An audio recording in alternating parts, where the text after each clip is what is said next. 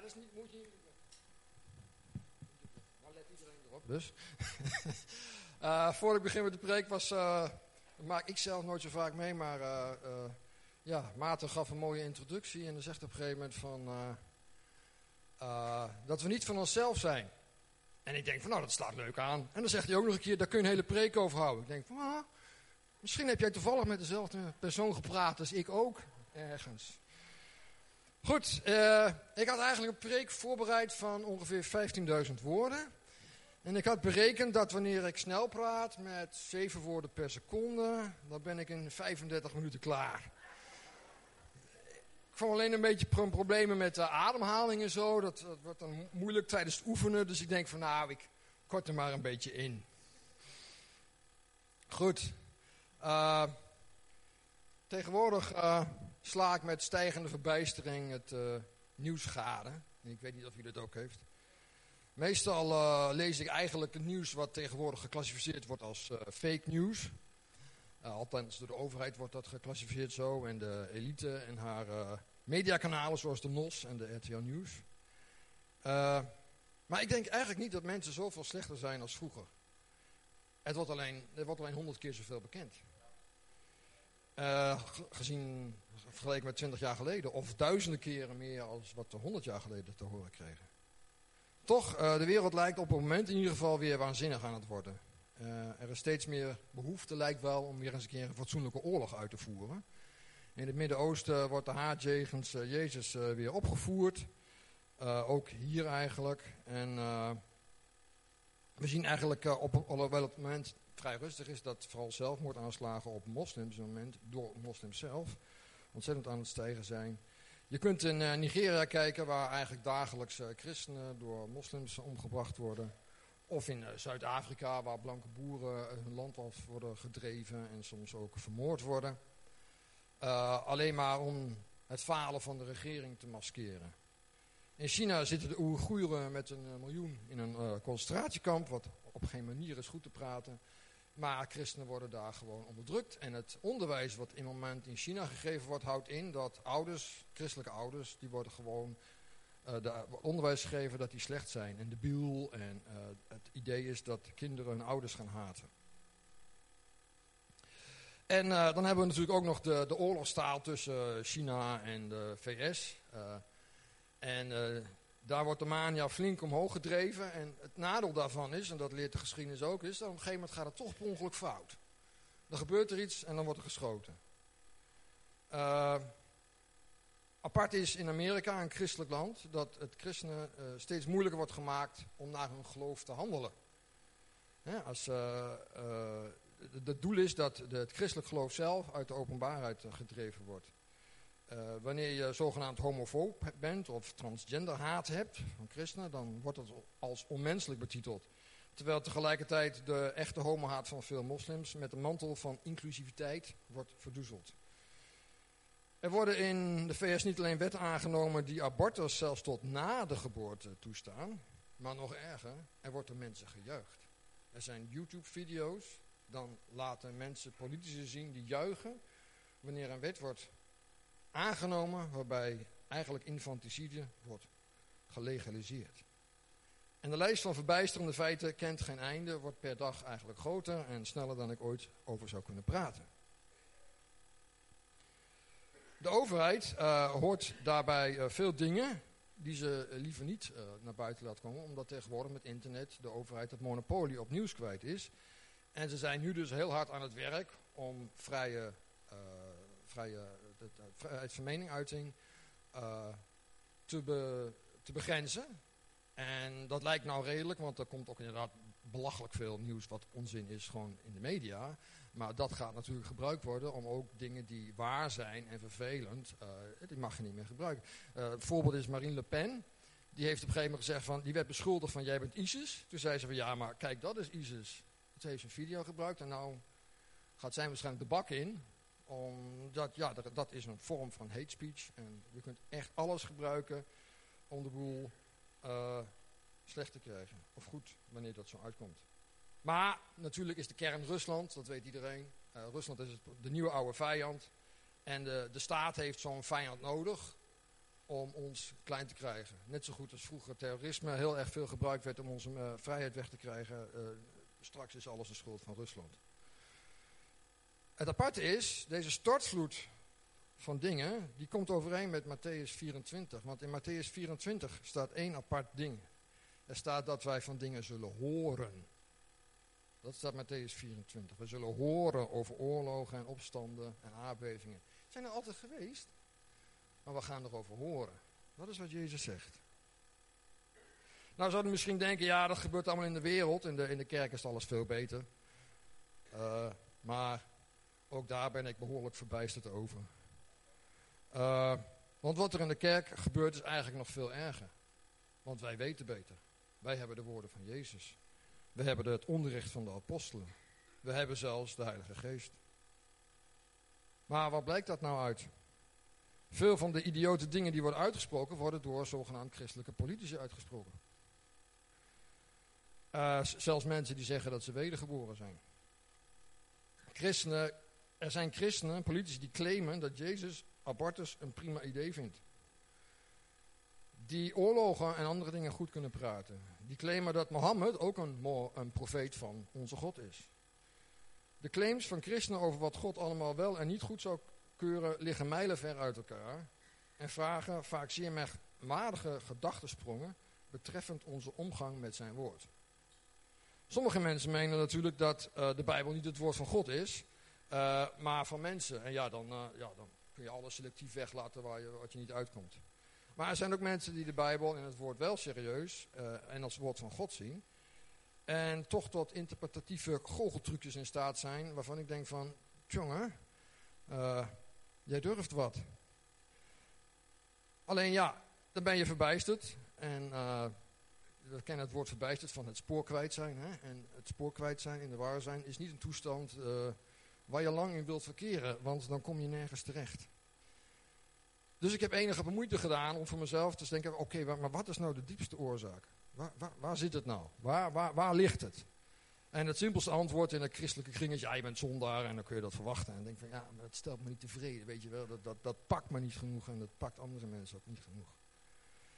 Uh, en ik wil natuurlijk ook een, een, een, antwoord vinden wat je kan onderbouwen van wat er in de Bijbel staat. Dat spreekt natuurlijk ook. Ik kan ook natuurlijk een of ander psychologisch uh, correct antwoord geven.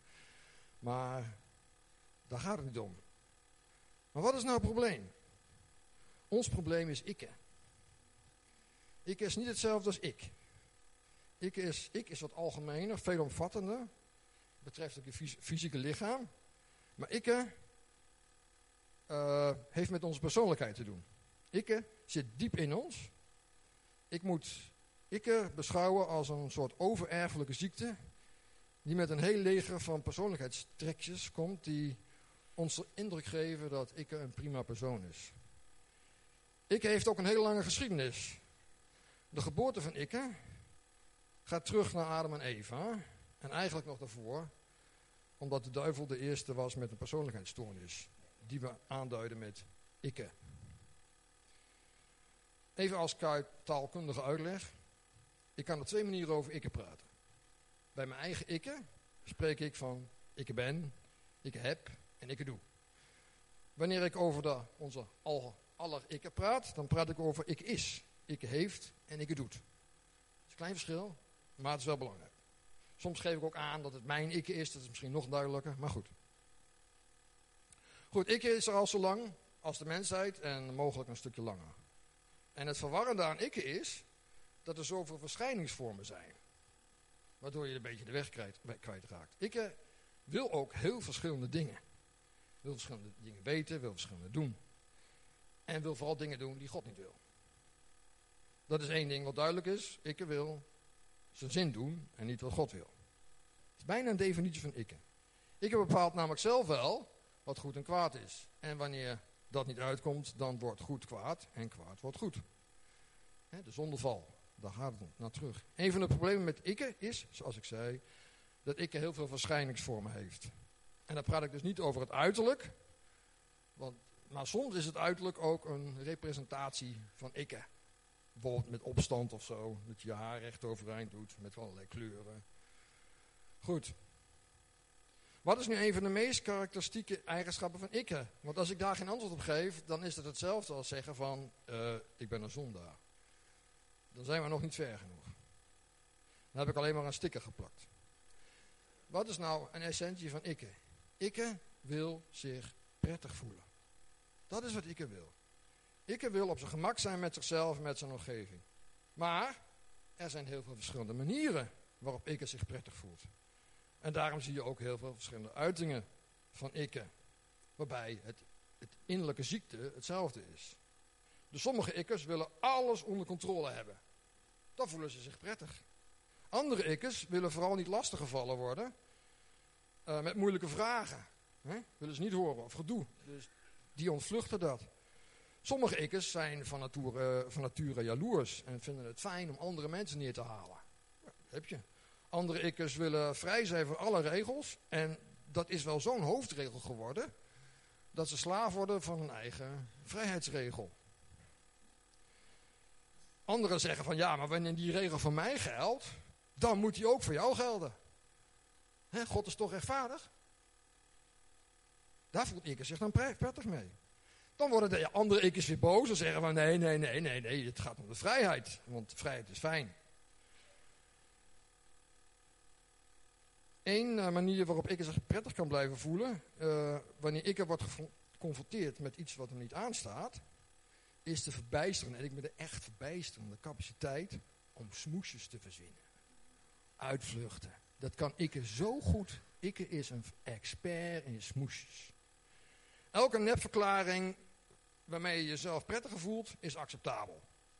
Je kunt denken uh, van over de omgang van sommige ikkers met uh, de argumenten tegen roken, of te veel eten, te veel zitten, te veel alcohol consumeren, je zorgen maken, keihard werken, televisie kijken, gewelddadige games uh, spelen, grove taal gebruiken. Er zijn allemaal smoesjes voor. Een christen kan zeggen, ja ik ben vrij bijvoorbeeld, om dat soort dingen te doen. Er zijn, maar dat maakt niet uit. Je kunt alles bedenken. Het wordt nog erger wanneer we geconfronteerd worden als bijbellezer met de woorden van Jezus. Eigenlijk is Jezus vaak ontzettend duidelijk. Hij is ontzettend duidelijk. Hij heeft twee manieren van moeilijk. Stel dat je een, een, een, een beeldhouwwerk wil gaan maken, dat is hartstikke moeilijk. Kan ik niet.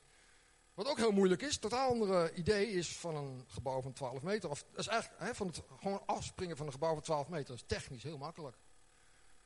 Heel makkelijk. Maar het is ontzettend moeilijk. Ja, dat is een verschil tussen wat moeilijk is. Dus wanneer ik lees die dus technisch makkelijk zijn, maar heel goed uitvoerbaar, dan, maar ja, dat niet wil en een onaangenaam gevoel geeft, dan gaat ik gewoon smoesjes vinden. Ik lees dingen die ik niet wil, en ik word geconfronteerd, met de wil van God en ik komt in opstand. Soms door de Bijbel gewoon eh, weg te smijten en te bestempelen als een dom en ook zo'n beroemd woord ouderwets boek. Nou, er zijn zulke ouderwetse dingen die mensen graag doen, maar daar praten ze nooit over. Echt. Het eerste wat er gebeurde in de wereld was seks. Zo ouderwets. Mijn hemel. Daar hoor je niemand over klagen. Nee, boek. Maar wel als het uitkomt. Geef me even aan hè, hoe ik eh, alles gebruik. Kunt taal ook gebruiken, misbruiken om alles goed te kletsen. Maar in veel kringen is het niet zo handig om te zeggen van ja, de Bijbel is ouderwets, dus moet het wat subtieler. Uh, dus er zijn heel veel uh, manieren die ik heeft uitgevonden om te voorkomen dat we uh, moeten doen wat Jezus van ons vraagt. Hè, want veel mensen willen natuurlijk wel graag in de hemel komen. Dus krijg je die tegenspraak van ja, ik moet doen wat Jezus zegt. Ja, ik moet toch wat, want anders dan kom ik misschien niet in de hemel. Of ander iets van ja, als ik in de kerk ga zeggen van dat de boek uh, ouderwets is, ja, dan kan ik het vergeten. Dus uh, dat voelt ook niet prettig. Dat willen ik eens niet. Kortom, er moet wat met de woorden van Jezus gedaan worden. En er zijn een heleboel verschillende benaderingen voor. Ik heb er laatst tien achter elkaar gezien. Ik noem er een paar, maar een van de bekende is... je moet de woorden van Jezus in de context van zijn tijd en omgeving zien. Een andere mooie is... Uh, Jezus sprak tot de Joden en niet tot uh, ons heidense christenen. Uh, je moet Jezus woorden vooral goed geestelijk interpreteren. Of de woorden van Jezus gelden eigenlijk alleen voor zendelingen en, en, en, en monniken en voorgangers en zo. Heilige mensen en zo, die speciaal geroepen zijn. Daar moet je, die moeten echt goed op de woorden van, van, van Jezus. De, wij. Maar als je nou alleen het eerste argument neemt, hè, Jezus in de context. Wat je in feite zegt, is dat Jezus niet beter wist. Als wij de woorden van Jezus in de, in zijn, in de context van omgeving en tijd moeten zien, dan zeggen we gewoon, hij was een beperkt iemand. Hij was niet de zoon van God. Echt niet. Als zoon van God, hoe moet Jezus dan beperkt zijn geweest? Onze claim is dat Jezus, als, toen hij op aarde was, tegelijkertijd God en mens was. Als je dat gelooft, hoe kun je dan zeggen dat de woorden die hij uitsprak beperkt zijn door context? Dan ben je gewoon hypocriet bezig. Dat is voor ik geen probleem om de boel gewoon zo om te draaien. Daar heeft ik helemaal geen problemen mee. Maar het is niet goed. Ja? Dus poging 1 van ik is mislukt. Er volgt nog een hele rij. Maar daar gaan we niet over praten. Het is gewoon mogelijk. Ik word niet blij met de uh, geboden van Jezus. En als het ene argument niet werkt, dan werkt het andere argument niet. En als alle argumenten niet werken, dan werkt altijd nog je kop in het zand steken en gewoon niet luisteren. Dan krijg je een soort een emotionele blokkade. Uh, Dietrich Bonhoeffer heeft daar prachtige dingen over gezegd. Die, die, uh, die, er was zo'n lab tekst, die ja, ik niks mee. Past in de preek, maar vooruit dan maar. Maar gevaarlijker dan uh, slechte mensen zijn domme mensen. Domme mensen die niet meer luisteren. In de tijd wat er in, bij de tijd van Hitler gebeurd is, daar zijn mensen heel erg dom geworden. Want de groep van echte klootzakken, is geen ander woord voor. Ja, dat waren gewoon hufters. Hitler was een hufter. Daar ga ik geen ander woord voor gebruiken. Uh, dat was maar een kleine groep. Maar de grote meerderheid, die deed gewoon mee. Die was gewoon dom geworden door angst en uh, aanpassingen. Is er dan een oplossing? Uh, jawel. En dan gaan we nou naar Matthäus 10. Vers 37 tot en met 39.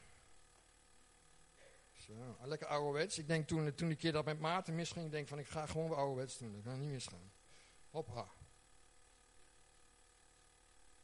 Wie vader of moeder lief heeft boven mij, is mij niet waard. En wie zoon of dochter lief heeft boven mij, is mij niet waard. En wie zijn kruis niet op zich neemt en navolgt, is mij niet waard. Wie zijn leven vindt, zal het verliezen. En wie zijn leven verliest omwille van mij, zal het vinden. Er staat trouwens, kruis opnemen is dus actieve taal. Hè? Er staat niet van uh, wie een kruis op zijn hart is gedonderd krijgt, uh, ah, dat is zielig. En, hè? Er staat gewoon, ik neem een kruis op mij. En dat is een moordwapen van de staat. Dat is een kruis. Kun je ook een hele preek over houden, gaan we dus nou niet doen. Goed, tweede tekst eigenlijk hetzelfde. Uh, Matthäus 16, vers 24 tot en met 27. Uh, toen zei Jezus tegen zijn discipelen, als iemand, iemand achter mij aan wil komen, moet hij zichzelf verloochenen. Zijn kruis opnemen en mij volgen. Want wie zijn leven zal willen behouden, die zal het verliezen. Maar wie zijn leven zal verliezen, om mij, die zal het vinden. Want wat baat het een mens als hij heel de wereld wint en aan zijn ziel schade leidt? Of wat zal een mens geven als losprijs voor zijn ziel? Want de zoon des mensen zal komen in de heerlijkheid van zijn vader met zijn engelen. En dan zal hij ieder vergelden naar zijn daden. Oh, dat klinkt erg wettisch. Daar kunnen we wel wat op verzinnen om dat weg te krijgen. Jezus legt uit dat ik het probleem is. Dat is zo belachelijk voor woorden, sterven aan jezelf. Dat we dan de ding krijgen, ja, maar hij bedoelt waarschijnlijk dat wanneer ik door een of andere ISIS-fanaat een pistool op mijn kop zeg, dat ik dan zeg van, ja, nee, nee, nee, ik kies voor Jezus en dan... Dus dat is lekker ver weg. Ze ja, nee, maar dat, dat zou ik ook wel doen als het erom gaat. Nee, het, gaat om ikke. Ikke moet dood. Dat is het probleem. Niet die situatie ergens ver weg. En het de situatie leert ook, of de geschiedenis leert, dat ikke doodgaan, dat kan. Er zijn, er zijn mensen waarbij dat gelukt is. Maar dan moet je wel beginnen met, uh, met voor jezelf te zeggen, ja, ik weet dat ik het dood moet bij mezelf. En niet beginnen met van, nee, dat hoeft niet. Als jij zegt tegen jezelf, ik hoef niet dood, dan gaat hij ook niet dood. Ik vind vooral zichzelf belangrijk. Hoe kan ik er nou dood? Hè? Ik vind vooral zichzelf, dat is het probleem. Hoe, uh, en hoe ik er zich voelt, dat is ontzettend belangrijk. En dat betekent dus dat, dat wat wij voelen belangrijker is dan de ander. Uh, Jezus zegt dat we God moeten liefhebben boven alles. Dus ook boven ikke. En onze naaste als onszelf, als ikke. Dat is de samenvatting van de wet. Kun je dat wanneer ikke de baas is? Gaat niet. Verder staat er, het doel van ons leven is dat we God de eer geven in alles. Jezus kwam ook op aarde, is voor ons gestorven.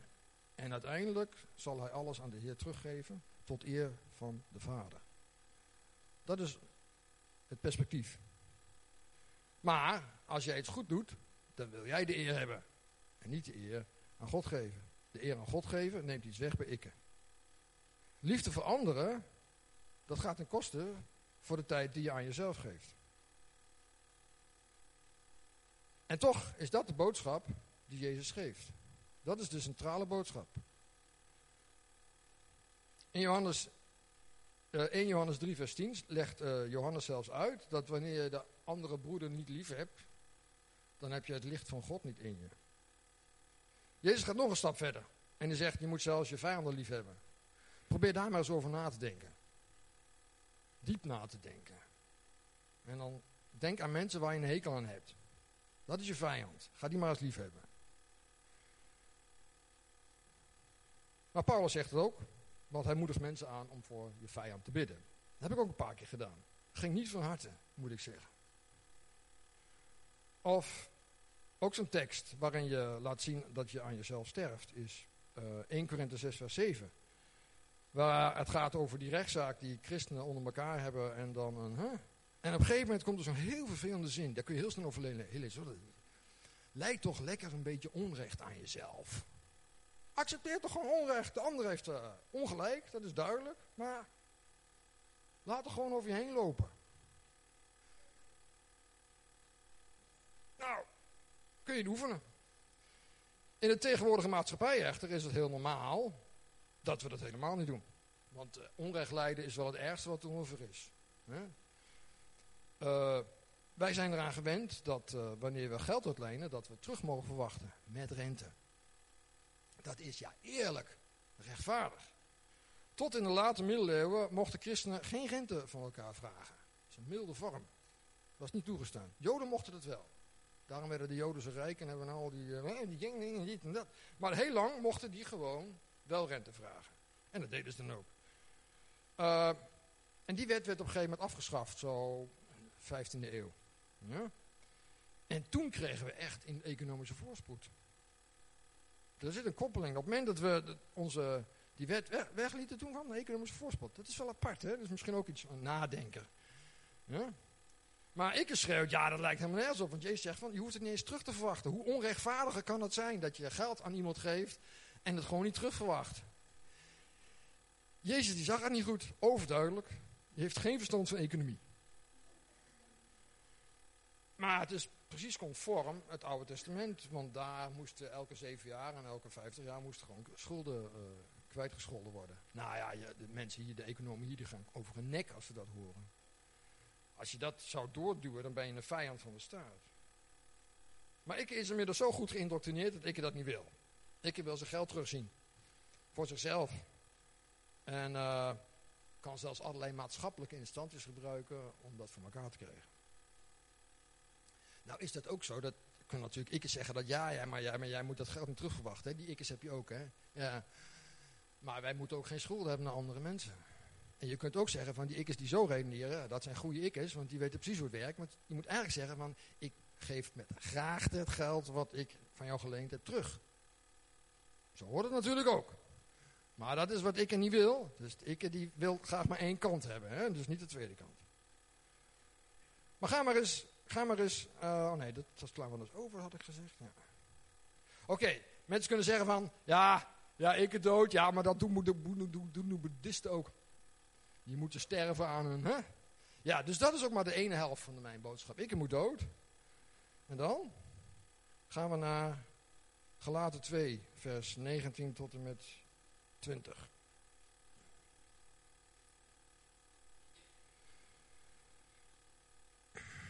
Dus maar, ik doe maar, je kunt ook een hele uitvoerige bijbelstudie doen, maar dan, ja, dan moet ik overal, dat gaat gewoon niet. Dan kunnen we meerdere preken doen over niet van onszelf zijn. Goed, want ik ben door de wet, voor de wet gestorven, opdat ik voor God zou leven. Ik ben met Christus gekruisigd. En niet meer ik, of ik leef, maar Christus leeft in mij. En voor zover ik nu in het vlees leef, leef ik door het geloof in de Zoon van God, die mij lief heeft en zichzelf voor mij heeft overgegeven. Maar als ik er niet dood is, dan werkt dat niet samen. Ik moet dood. Hij is al dood, officieel is hij al dood. De doodschap is uitgevoerd. We zijn gekruisigd met Jezus.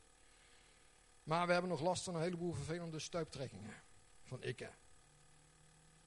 En soms is ook ikke niet officieel dood bij ons. Waarom? Omdat we niet, uh, ons niet bekeerd hebben. En wie zich niet bekeert, die gelooft niet. Wie niet gelooft, bekeert zich niet. En wie niet bekeert, gelooft niet. Dietrich Bunhofer, kort samengevat. Jezus is voor ons gestorven en hij zegt ook dat wij aan hem, gelijk moeten worden. Net als Paulus dat zegt. Hè? Jezus leefde ons een leven voor en houdt ons voor dat ik het doop moet.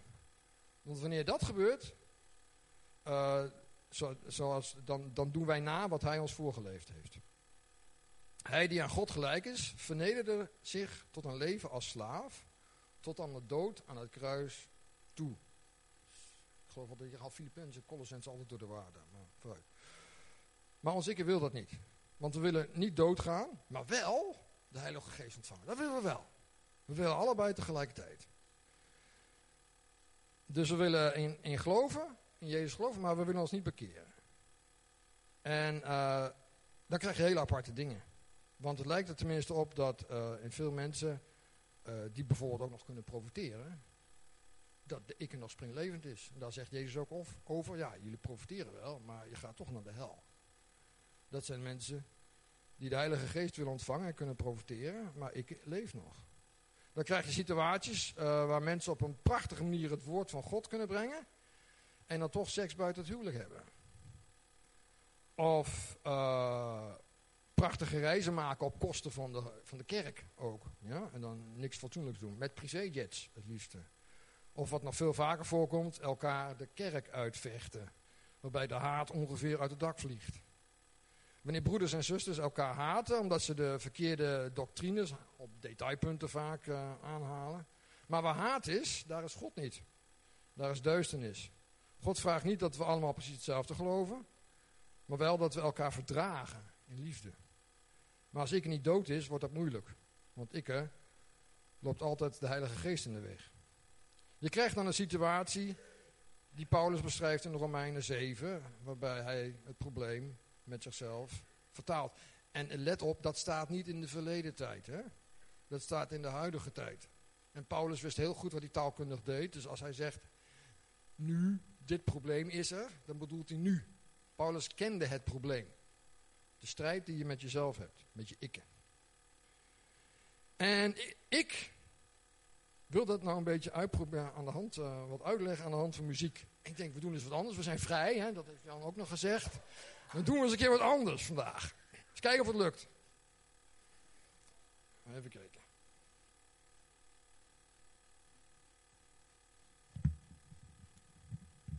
Eerste probleem, ik krijg de microfoon erin.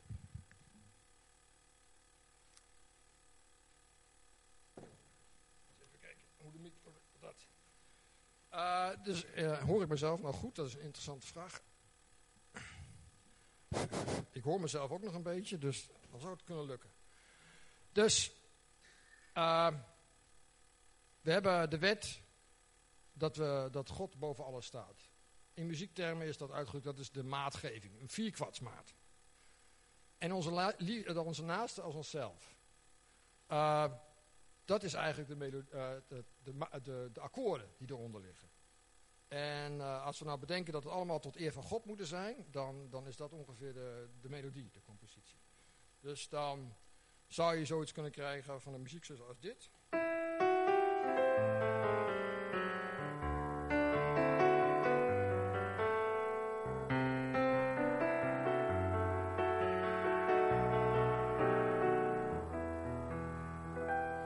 Dat is dan ruwweg wat er zou kunnen staan. Dat moet u nou even geloven, hè? er staat iets anders, maar dat vertel ik niet dus. Oké, nou, er zijn meerdere dingen uh, hoe je deze muziek kan uh, interpreteren laten door ikke.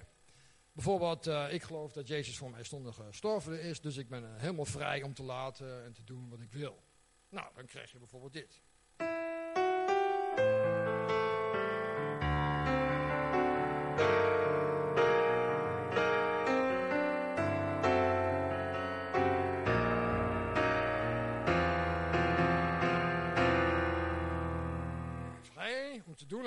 Wil. Nou zeggen de mensen van, nee, nee, nee, nee, nee dat klopt niet. Maar mensen die de regels veel belangrijker vinden, die pakken dit muziekstuk en doen het een beetje anders. Nou, voor de experts, ik ga nou van een 4 kwartsmaat naar een 6 achtste maat.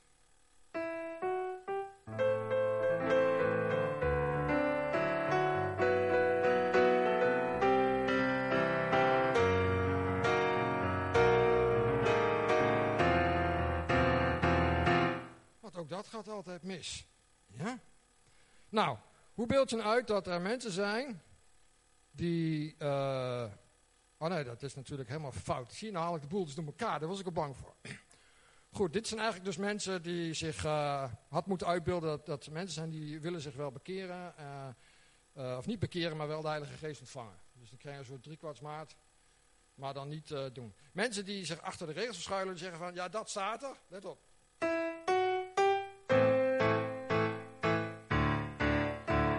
Dit staat er. Echt.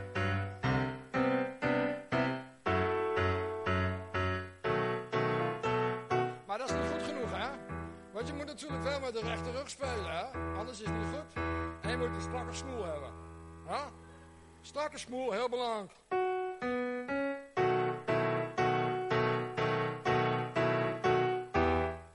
Dat willen die mensen die zich verschuilen achter regeltjes. Die zeggen, ja, je moet ook dat doen en dit doen en dat doen.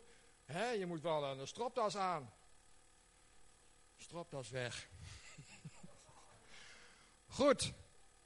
Wat gebeurt er nou met mensen zeggen van... Uh, ja, bekeren, dat wil ik eigenlijk niet. Maar ik wil wel met de, de gemeente meedoen.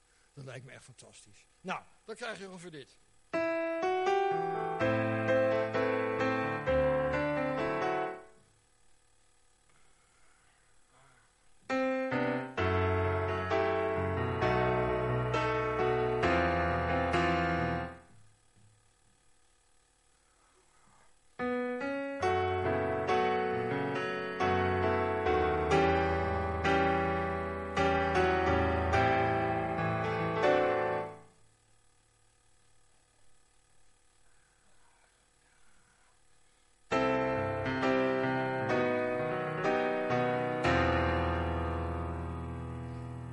Zijn de mensen die nou graag meedraaien in de gemeente.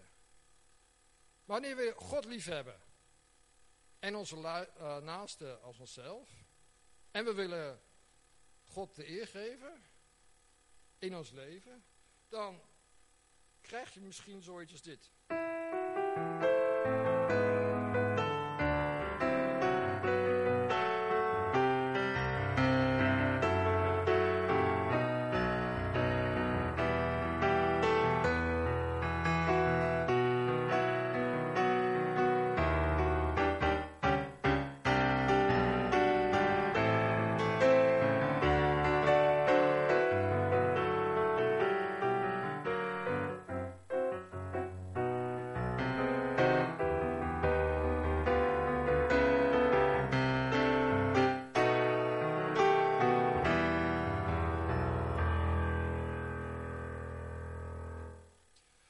Dan zul je mensen krijgen die veel van regels houden en die zeggen dan... Ja, maar je hebt niet gespeeld tot er stond. Dat klopt. Niet gedaan. En mensen die van genade praten, die zeggen heel hard... Ja, maar je hebt je aan de regels gehouden. Veel te veel. Je bent een wetticist.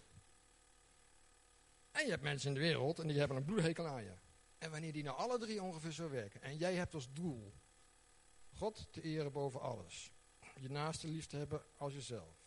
En God en alles de eer te geven. Dan denk ik dat het heel goed is dat die mensen zo op je lopen te kankeren. Ja? Maar dan wel liefst op zijn minst van twee kanten. Je bent te wettisch of je bent te vrij. Als allebei, dan is het goed. En als mensen in de wereld ook nog een keer op je zeuren omdat je je aan de Bijbel houdt, zou een indicatie kunnen zijn.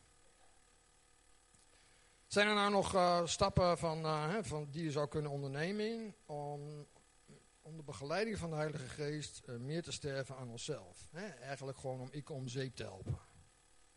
Nou ja, eigen zeep neerleggen, hè, dat valt hij vanzelf. Maar vooruit. Kijk eens naar de dingen die ons op ons gemak stellen. Wat is je comfortzone? Dat is een modern woord, hè? je comfortzone. En hoe zou u zich voelen wanneer uw comfortzone wegvalt? Ongemakkelijk, angstig, onzeker? Nou, dan mag je eraan denken van hoe kan ik nou daaraan werken dat ik van die dingen afkom? Ik heb vorige preek erover gehad dat veel mensen graag veel status willen hebben van hoe zou je het nou vinden als jij een status achteruit gaat? Door dingen te doen die dat bewerken, maar met niet zomaar. Het gaat er niet om dat je dingen gewoon voor de lol doet. Ik van, ga eens even aan mijn status vernederen. Ik ga gewoon een andere baan nemen die niks verdient. En verder niet, dan heeft dat, hè, het gaat om de doelstelling blijft dat je God de eer blijft geven. Maar kun jij iets doen met, in je leven waarin je God de eer geeft met wat je doet? Waar bijvoorbeeld je status, waar jij zo aan hangt, dat die naar beneden gaat. Hoe zit het met geld? Hoe, zou jouw ik erop reageren wanneer de mooie dingen die je hebt, al hebt, of het geld dat je nog krijgt, uh, als je er zoveel van weggeeft dat het pijn doet? Weggeeft natuurlijk weer met een, met een goed doel op zich. Geld wat je eigenlijk niet kan missen, dat je dat weggeeft in liefde. Of eigenlijk wat nog, ons nog kostbaarder is, tijd. Wat gebeurt er met onszelf wanneer we nou meer tijd aan anderen gaan besteden dan aan onszelf? Bijvoorbeeld sneller scheren en die tijd dan gebruiken om iets anders te doen. Of minder scheren, dat werkt trouwens veel beter volgens mij. Maar zo, ik, leid, ik laat mezelf afleiden. Uh, activiteiten. Er zijn een heleboel activiteiten, die vinden we heel prettig, vinden we heel leuk. Misschien kunnen we andere activiteiten doen die, die minder prettig zijn, maar waarvan we weten, daarin krijgt God de eer. Mijn ikke wil graag zekerheden hebben voor de toekomst. Ik ben ervan overtuigd dat wij als mensen de wereld helemaal kapot maken.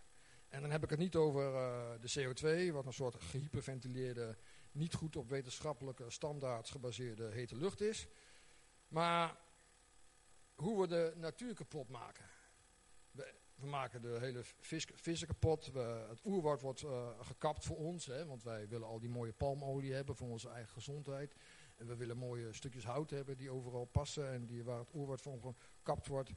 Uh, we willen, uh, dan willen we opeens batterijen hebben die met kobalt uh, gemaakt worden, waardoor kinderslaven arbeid nodig is. We, we, maken het echt, alles wat we verzinnen om het beter te maken, maakt het eigenlijk nog slechter. Omdat we ook niet moeten denken dat wij de wereld kunnen redden. Dat is arrogantie. Tot en met. Maar ik zou het wel graag willen. Want dan voel ik me een stuk zekerder. Ik zou mezelf graag willen beschermen tot, uh, tegen de ellende die ik verwacht. En het liefst wil ik God ook nog voor mijn eigen karretje spannen. Dat wil ik. Dan ga je gewoon God vragen om dingen voor jou te doen. Ik vind het ook heel fijn om, om, om controle te hebben over mijn eigen leven. Daar ben ik niet alleen in, heb ik gemerkt. En, uh, daarin toch zo min mogelijk afhankelijk te zijn van de Heer. En dat ging heel, heel lang goed. Totdat ik natuurlijk allerlei probleempjes kreeg ongetwijfeld met ouderdom te doen. Uh, waardoor je een stuk uh, afhankelijker van God bent geworden. En ook ontdekt dat het helemaal geen probleem is. Ik ben gedwongen afhankelijk geworden van God. Mijn ikke is een stuk kleiner geworden door allerlei ziekteproblemen. En dat is alleen maar goed. Verder is mijn ikke eigenlijk ook best wel een beetje een scheiterd. In de zin van, uh, dat ik niet zodanig geconfronteerd wil worden met mensen dat het tot ruzie leidt. Als het spontaan zomaar gebeurt, ja, dan is het gebeurd. Maar als ik me kan voorbereiden op wat ik ga zeggen. Ik heb ook meerdere dingen uit de preek maar gewoon weggelaten. Zo van, nee, doe, doe niet. Ik krijg, ik krijg ellende. Maar ik heb toch wel ruzie genomen. Want mijn, mijn ik zegt gewoon van, hé hey, maar dat moet je niet zeggen, joh. Krijg je problemen, mag je nooit meer praten, joh. Doen. Houd je mond maar. Dat is mijn ikke. Dan denk ik van, nee, dat kan niet. Ik heb wat te zeggen. Ik heb wat te zeggen. De Heilige Geest door mij heeft, hoop ik, wat te zeggen. Maar ik ben, ikke is daar wel bang voor. Is bang voor andere mensen. Ik wil vrede, mijn ikke, en rust en liever geen conflict. En dus, wat ik vaak doe, is gewoon mijn kop houden. En mijn tanden bijten. Mogelijk dat iemand anders er uh, geroepen is om wel zijn uh, smoel open te trekken, zoals we dat dan zeggen. Hè? Dan ben ik van de ellende af, dan hoef ik dat niet doorheen. Maar mijn ikke moet daarin dood, want ik weet van, uh, van God dat dat voor mij niet de bedoeling is. Ik moet mijn mond open trekken. Maar liever doe ik dat niet. Uiteindelijk denk ik dat wanneer ons ikke dood is, dat we een veel eenvoudiger, bescheidener levensstijl hebben. Wanneer ik inderdaad om zeep is geholpen. Dus, stel nou al, wat is nou een ander voordeel? Van wat, zou, wat zou nou nog een voordeel zijn? Hè? Want, want we willen, ik heb het nou over gehad hoe wij, of mensen zelf, tot eer van God gaan leven. Maar het gaat nog één stap dieper waarom ook ik het doop moet. laten we maar eens uh, Efeze, ja, dat is heel handig wat ik nou doe, Efeze 14, vers 11 tot en met 13 lezen. Die, die, is, die wordt wel vaker gelezen, het, vooral het eerste stukje. En, en, dan staat er in Efeze 4, ja, het eerste stuk is van, uh, dat, dat, kent iedereen, vooral mensen die graag uh, zich als apostel opwerpen of als profeet, die zijn, die zijn heel fijn. Dat is ook ik er weer vaak, vaak ik er weer, die komt er. En hij heeft Sommigen gegeven als apostelen, anderen als profeten, weer anderen als evangelisten en nog weer anderen als herders en leraars. Ik leraar, dat voel ik me echt helemaal. Ja, perfect. En dan om de heiligen toe te rusten tot het werk van dienstbetoon, tot het werk van dienstbetoon, tot opbouw van het lichaam van Christus. Dat is het doel. Dat is dus niet ik, hè. Dat heeft niks mee te maken dienst betoont tot opbouw van het lichaam van Christus. Totdat wij allen komen tot de eenheid van het geloof en van de kennis van de Zoon van God. Tot de volwassen man, tot de maat van de grootte van de volheid van Christus. Dat is een doel. Het doel is dat wij samen, samen, met elkaar, God de eer geven. Maar als ik er niet dood is en springlevend, dan lukt het niet. Want dan kunnen we nooit een eenheid vormen. Als een lichaam van Christus uh, God de eer geven die hij toekomt. Dat is ons doel. Maar het goede nieuws is dat het kan. Het kan gewoon. De geschiedenis laat het ook zien. God heeft namelijk ons de Heilige Geest gegeven met de kracht en de wijsheid, maar ook de, herinnering. Hè. Het eerste wat Jezus zegt in Johannes, uh, evangelie, is dat hij zegt, de Heilige Geest is gekomen om ons in herinnering te brengen. Wat hij ook alweer gezegd heeft. Als je daar maar vaak genoeg over gaat denken, dan kom je al een stuk verder. Jezus zelf heeft de dood overwonnen. En in hem kunnen wij dat ook. Want onze ikes zijn al officieel aan het kruis genageld. De geschiedenis van de christen laat zien dat het kan. Ook al zijn wij slechts aarden vaten. Maar wanneer Jezus het vat vult, omdat het leeg is van ikken, dan kan God door ons schijnen en kan de mensheid zich verwonderen over hoeveel God kan doen door onze kwetsbare zielen.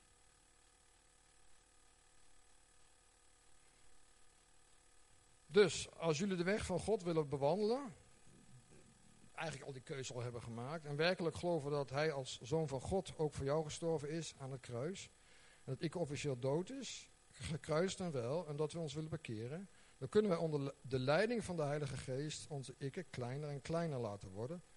Totdat hij uiteindelijk niets meer te zeggen heeft. Stap voor stap. Wanneer we op, je kunt ook zeggen, wanneer we op de weg van Jezus wandelen, dan stap voor stap. Dan werken we stap voor stap aan het uh, helpen van ikke. Wanneer anderen in datzelfde proces zitten in de gemeente, en dat mogen we hopen, dan kunnen we elkaar ondersteunen, elkaar in liefde corrigerend en groeien tot één lichaam met Jezus als hoofd. Want dat is het doel om uiteindelijk weer de Vader de eer te geven. Dan dienen we elkaar en zijn we een voorbeeld voor de wereld. Dat dient ter navolging. Maar ook dat dient ter afkeuring. Dat weten we zelf en dat zullen we ook krijgen. Wanneer ik het dood is in ons en God leeft, dan kunnen we in, eenheid samenleven en de wereld demonstreren hoe groot God is. In zijn almacht, zijn wijsheid en vooral zijn liefde. Ook als ikke tegenstribbelt en naar de wereld kijkt en verlangt naar al die zogenaamde prachtige dingen die daar te vinden zijn. Wanneer onze ogen op Hem gericht zijn en niet op onszelf, uh, dan zal het hart, ons hart, elke dag verder gevormd worden. Door zijn liefde. En dan zetten wij de wandeling uh, met hem samen voort naar de nauwe poort die tot het eeuwige leven leidt. Om de kroon des levens te ontvangen wanneer wij in vrijmoedigheid voor hem staan. Ik kan nooit vrijmoedig voor God staan. Kan niet. Alleen ons veranderde ik. Dan kunnen we, wanneer ook wij straks meer en meer in de verdrukking komen te staan, en dat is heel belangrijk, daar geloof ik in, wij komen in de verdrukking te staan, en dan hebben we elkaar nodig. We hebben elkaar nodig om de weerstand die tegen ons komt te overleven. En dat werkt alleen maar wanneer wij dat samen doen en wanneer we gestorven zijn aan ikke. En daarom is het ook zo'n belangrijk thema, vind ik. Want we krijgen moeilijke beslissingen. En die moeten we niet ieder voor zich nemen, maar samen. En mijn vraag aan jullie is dat. Willen jullie dit? Heel stil. ik wou eigenlijk uh, samen met jullie bidden. Uh, om deze vraag en het gebed heb ik niet voorbereid, dus dat is lekker spannend. Dus dat is goed. Doe ik, doe ik eigenlijk ook nooit. Is eerst, mij de eerste keer. Maar ik wil samen met jullie bidden om daar te kijken in hoever ik er kan afnemen en Jezus kan groeien in onszelf. Lieve Vader in de hemel, Heer Jezus, dank u wel dat we hier zo verzameld zijn. En uh, u weet hoe we allemaal worstelen met uh, onze eigen ik. Hoe die niet wil doen wat u wil, hoe die niet wil zijn zoals u wil dat we zijn. Maar Heer, we willen bidden dat u ons helpt. We willen, we willen bidden dat u met uw Heilige Geest komt. En dat we ja, mogen sterven aan onszelf. Dat we mogen weten dat we niet van onszelf zijn, maar we zijn van u, Heer. We zijn uw schepping. We zijn, we zijn helemaal van u. En ik wil vragen, help ons, sta ons bij, leer ons, geef ons wijsheid zodat we mogen ja, groeien in u en klein worden in onszelf. Dat we als volwassenen ikkenen teruggaan naar kleine ikkers en daarna naar voor de geboorte ikken. En sterven, dat wij krimpen en dat wij in ons leven samen als gemeente en ook als ja, met gemeentes buiten ons die nog anders zijn, dat wij kunnen samenwerken en kunnen laten zien wat voor een prachtige God u bent. Heer, ik wil u vragen dat zo te doen, bij ons te zijn en ieder van ons te helpen, zodat we samen geholpen zijn en u de eer mogen geven in alles. In Jezus' naam. Amen.